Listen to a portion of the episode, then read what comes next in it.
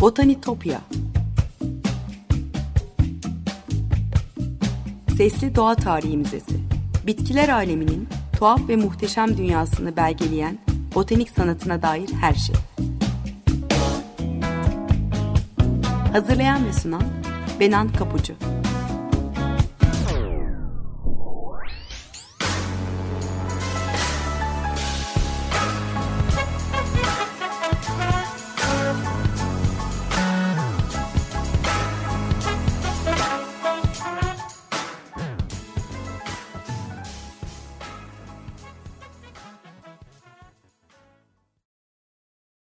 Merhaba sevgili Açık Radyo dinleyicileri. Botanitopya'ya, bitkiler aleminin tuhaf ve muhteşem dünyasına hoş geldiniz. Anlatıcınız ben Benan Kapucu. botanitopya.gmail.com elektronik posta adresinden ya da aynı adlı Twitter hesabımdan her zaman bana ulaşabilir. Yorumlarınızı, varsa katkılarınızı paylaşabilirsiniz. Bazen yayın sırasında bahsettiğim konuları görsellerle, linklerle, küçük özetlerle destekliyorum. O yüzden Twitter hesabımı takipte kalırsanız çok mutlu olurum. Eski program kayıtlarına da Spotify'dan Açık Radyo Podcast üzerinden ulaşma şansınız olduğunu da tekrar hatırlatmış olayım. Sevgili dinleyiciler bugün size büyülü kokusu, altın değerinde uçucu yağıyla tropik dünyanın en değerli hazinelerinden birini, öd ağacını anlatacağım. Öde ağacından üretilen tütsü ve parfümler yüzyıllardır değer görmüş. O karmaşık özel kokusuyla reçineli odunu pek çok kültürde, ruhani ritüellerde ayrıcalıklı bir yer edinmiş. Afrodizyak amaçlarla kullanılmış. Ama bugün parfüm endüstrisinde moda olduğu için maalesef yok olma tehdidiyle yüz yüze. Uluslararası Doğayı Koruma Birliği'nin kırmızı listesine yer alan bitkilerden biri. Öde ağacı farklı kokulu ağaçlarla, sandal ağacıyla da karıştırılıyor çokça ama aslında yağmur ormanlarına özgü Endonezya, Tayland, Kamboçya, Laos, Vietnam, Malezya, Bangladeş, Filipinler, Borneo, Yeni Gine ve Kuzeydoğu Hindistan'da yetişen Acularya cinsi bir ağaç. Acularya cinsinde Malakensis, Agalocca ve Secundaria gibi her dem yeşil 17 tür var ve bunların 9'unun öd ürettiği biliniyor. Bir ağaç yaralandığında veya mantar bulaştığında öz odununda aloes adı verilen stres kaynaklı aromatik reçineler üreten e, bir bağışıklık reaksiyonu devreye giriyor. E, Ambrosia böceğinin içine girmesiyle ağaçların gövde ve köklerinde küf, e, küf enfeksiyonu oluşuyor ve ağaç da o hasarları veya enfeksiyonları gizlemek, yok etmek için bir savunma malzemesi üretiyor. Ağacın etkilenmeyen ahşabının rengi nispeten açıkken savunma için salgıladığı reçine o belli bölgede ağacın kütlesini ve yoğunluğunu arttırıyor. Rengini de soluk bejden sarı, turuncu, kırmızı, koyu kahverengi veya siyah değiştiriyor. Birkaç yıl boyunca aloes denen bu kısım yavaş yavaş öz oduna gömülüyor ve sonunda öd ağacını oluşturuyor. Doğal ormanlarda akularya ağaçlarının sadece %7 ile %10'u enfekte olup öd üretiyor. Hinduizm, Hindist, Hristiyanlık, Budizm ve İslam'ın öğretici metinlerinde oldukça saygı veren bir bitki öd ağacı. Milattan önce 1400 gibi çok erken bir tarihte Sanskritçe metinlerde kokulu bir ürün olarak adı geçiyor öd ağacının. E, Hindistan tarihinin milattan önce 1493 ve 1443 dönemini anlatan Mahabharata destanında öd ağacı genellikle zenginlik, e, haraç ve selamlamanın sembolü olarak geçiyor. E, Mahabharata'nın ilk kitabında yazılanlara göre e, Kandav e, Praşta antik kentinin insanları uzaklardan gelen ziyaretçilere şehrin her yanını yanan öde ağacının tatlı kokusuyla doldurarak karşılarmış. Bazı Budist metinlerinde, Buda'nın doğuş hikayelerinde, dini ritüellerde aromatiklerin kullanılan atıflar var bolca biliyorsunuz. Nirvana Sutra metinlerinde örneğin, e, Buda Nirvana'ya girmek üzereyken yaşanan olayları anlatan, öğrettiği tanımlayan giriş bölümünde e, aromatiklerden, kokulu bitkilerden bahsedilmiş.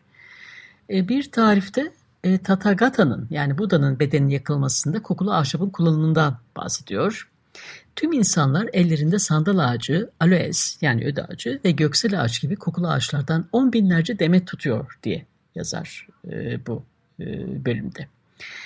E, Antik Yunan'da dini ritüellerde tütsü kullanma geleneğini M.Ö. 6. yüzyılda benimsenmiş olduğunu söylüyor araştırmalar.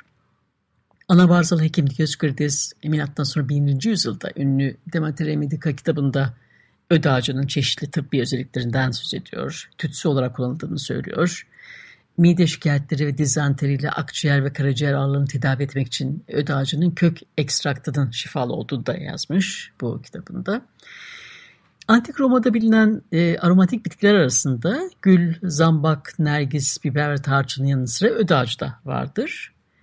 Milattan sonra 65 yılında Roma İmparatoru Neron ikinci karısı Poppaea Sabina'nın yasını tutmak için büyük miktarda egzotik tütsü harcamıştı.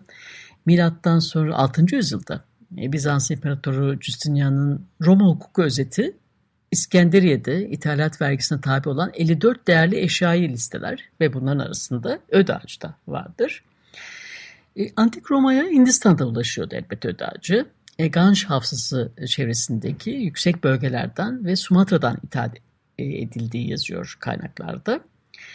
Ee, bir makaleden yararlanıp aktarıyorum size. Arlen Lopez Sampson ve Tony Page'in History of Use and Trade of Agarwood makalesinden yararlanarak e, aktarıyorum e, kimi bilgileri size. E, öd ağacının e, tarihsel kullanımı ve ticareti başka bir makaleden e, aktaracağım. Hindistan'da da zengin bir tarihe sahip. Şiir, ticaret, eğitim ve tıbbi el yazmalarında anlatılıyor çokça. Mauryan İmparatorluğu'nda M.Ö. 320, 320'lere ait ekonomik, politika, yönetim, askeri ilişkiler ve uluslararası ilişkiler üzerine bir inceleme olan Artaşastra'da hazineye alınacak değerli eşyalardan biri olarak öne çıkıyor yine ödağcı. E, milattan sonra ilk yüzyıllarda Akdeniz'i Doğu Asya'ya bağlayan ticaret yollarının gelişimiyle e, mercan, inciler, değerli taşlar, züccaciye, parfüm gibi lüks malların arasında öde ağacından tütsüler de e, Kuzey Hindistan'dan Çin'e ulaşır. Bu yollar boyunca Çin ipeğiyle takas edilir. E, Çin'de e, öde ağacından tütsü ilk kez milattan sonra 1. yüzyılda kullanılmış.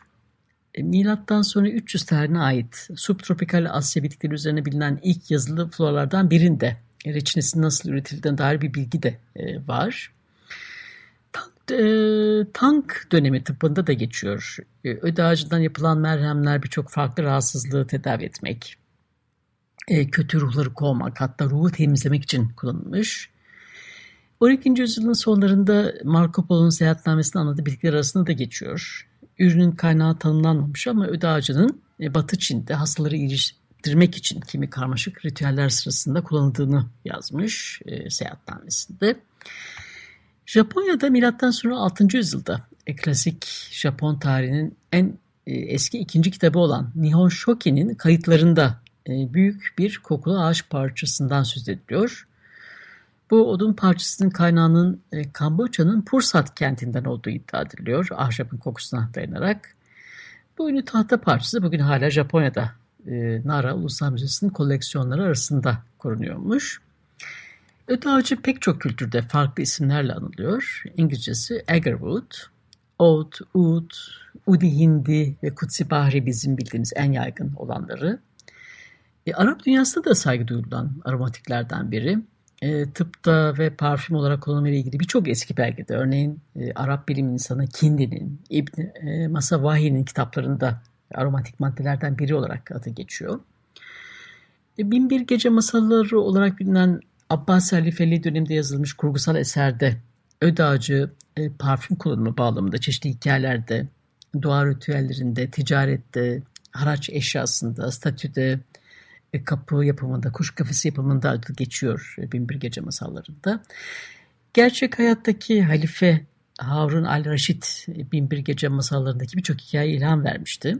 Bin, milattan sonra 809 yılında öldüğünde hazinesinin envanterinde bin sepet öde ağacı, birçok parfüm çeşidi dahil egzotik mallardan oluşan etkileyici bir liste vardı.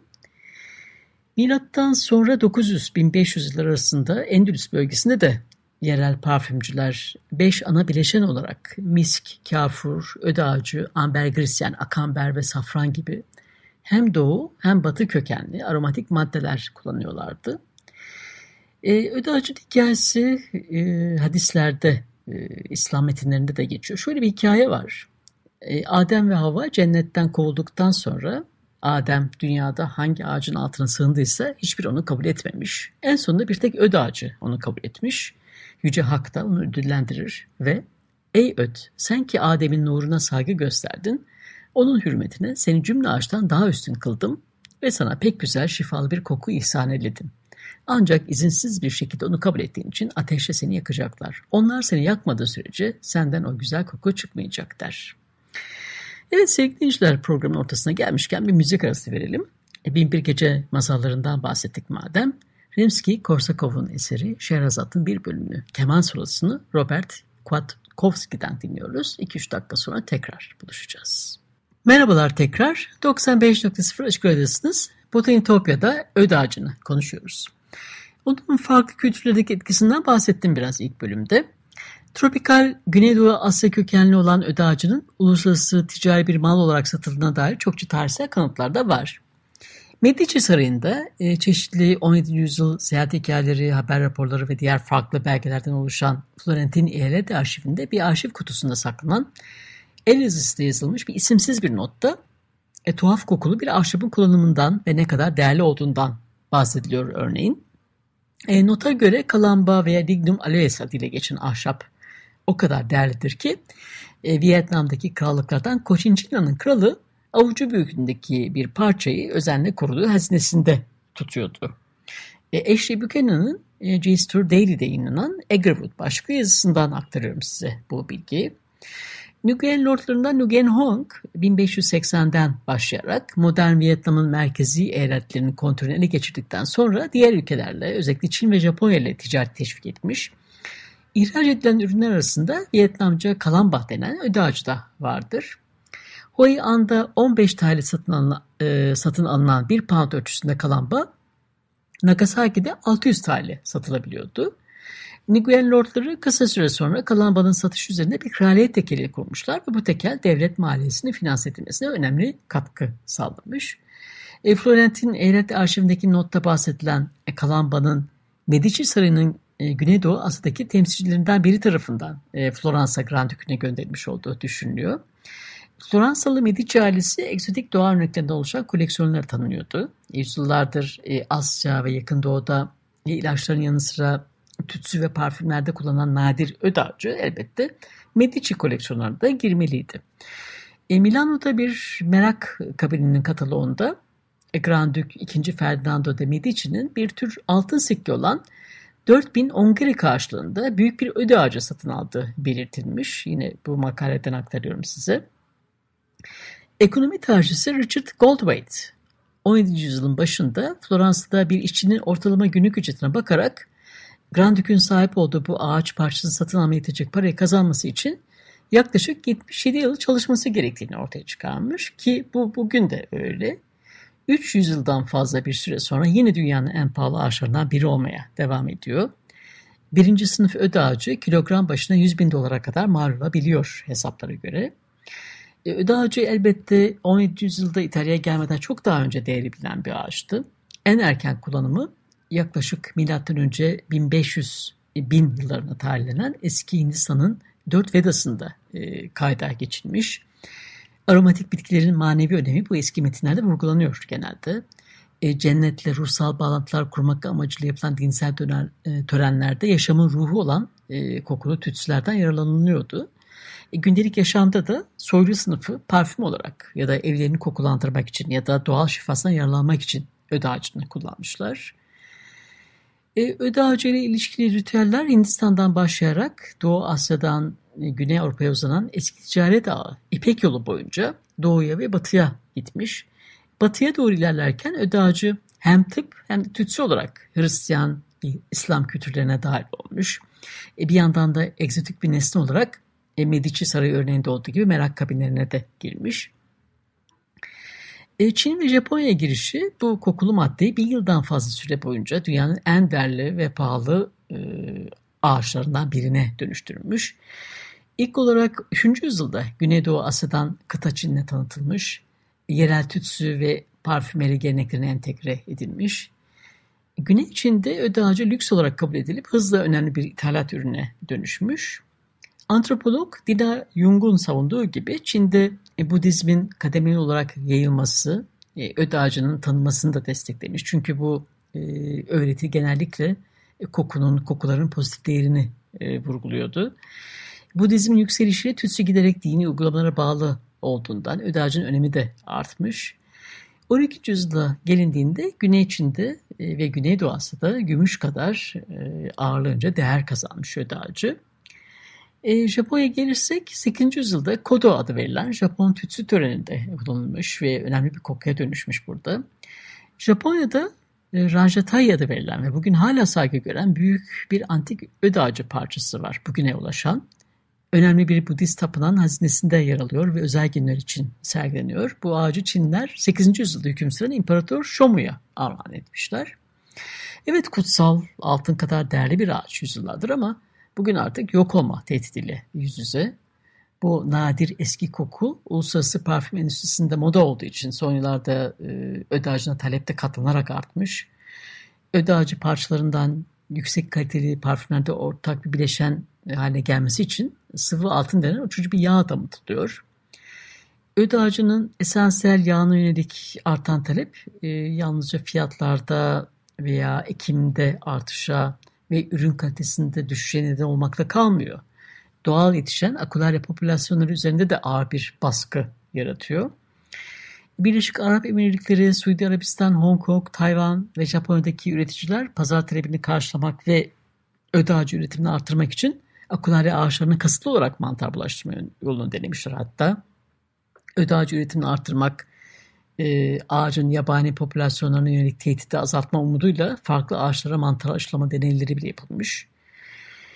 E, çoğu Güneydoğu Asya ülkesinde yabani akularya ağaçlarının hasat edilmesi yasa dışı aslında ama buna rağmen akularyanın tüm çeşitleri Uluslararası Doğayı Koruma Birliği kırmızı listesinde yer alıyor. Kritik tehlike altında olarak e, listelenmiş artık.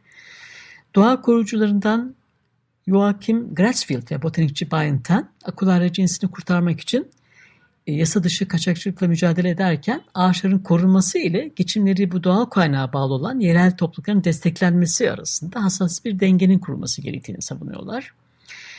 E, Uluslararası Doğayı Koruma Birliği'nin her zaman vurguladığı gibi küresel iklim kriziyle mücadelede karbon emisyonlarını azaltmak yeterli değil. Biyoçeşitliği korumak da eşit derecede önemli.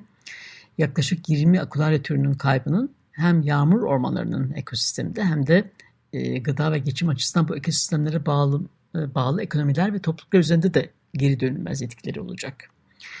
E, büyülü kokusuyla nice kaşiflerin peşine düştüğü dağcı ekosistemde de yeri dolduramaz bir bitki ve ona atfettiğimiz anlamlarla insanın e, kültürel mirasında en değerli parçalarından biri olmaya devam edecek.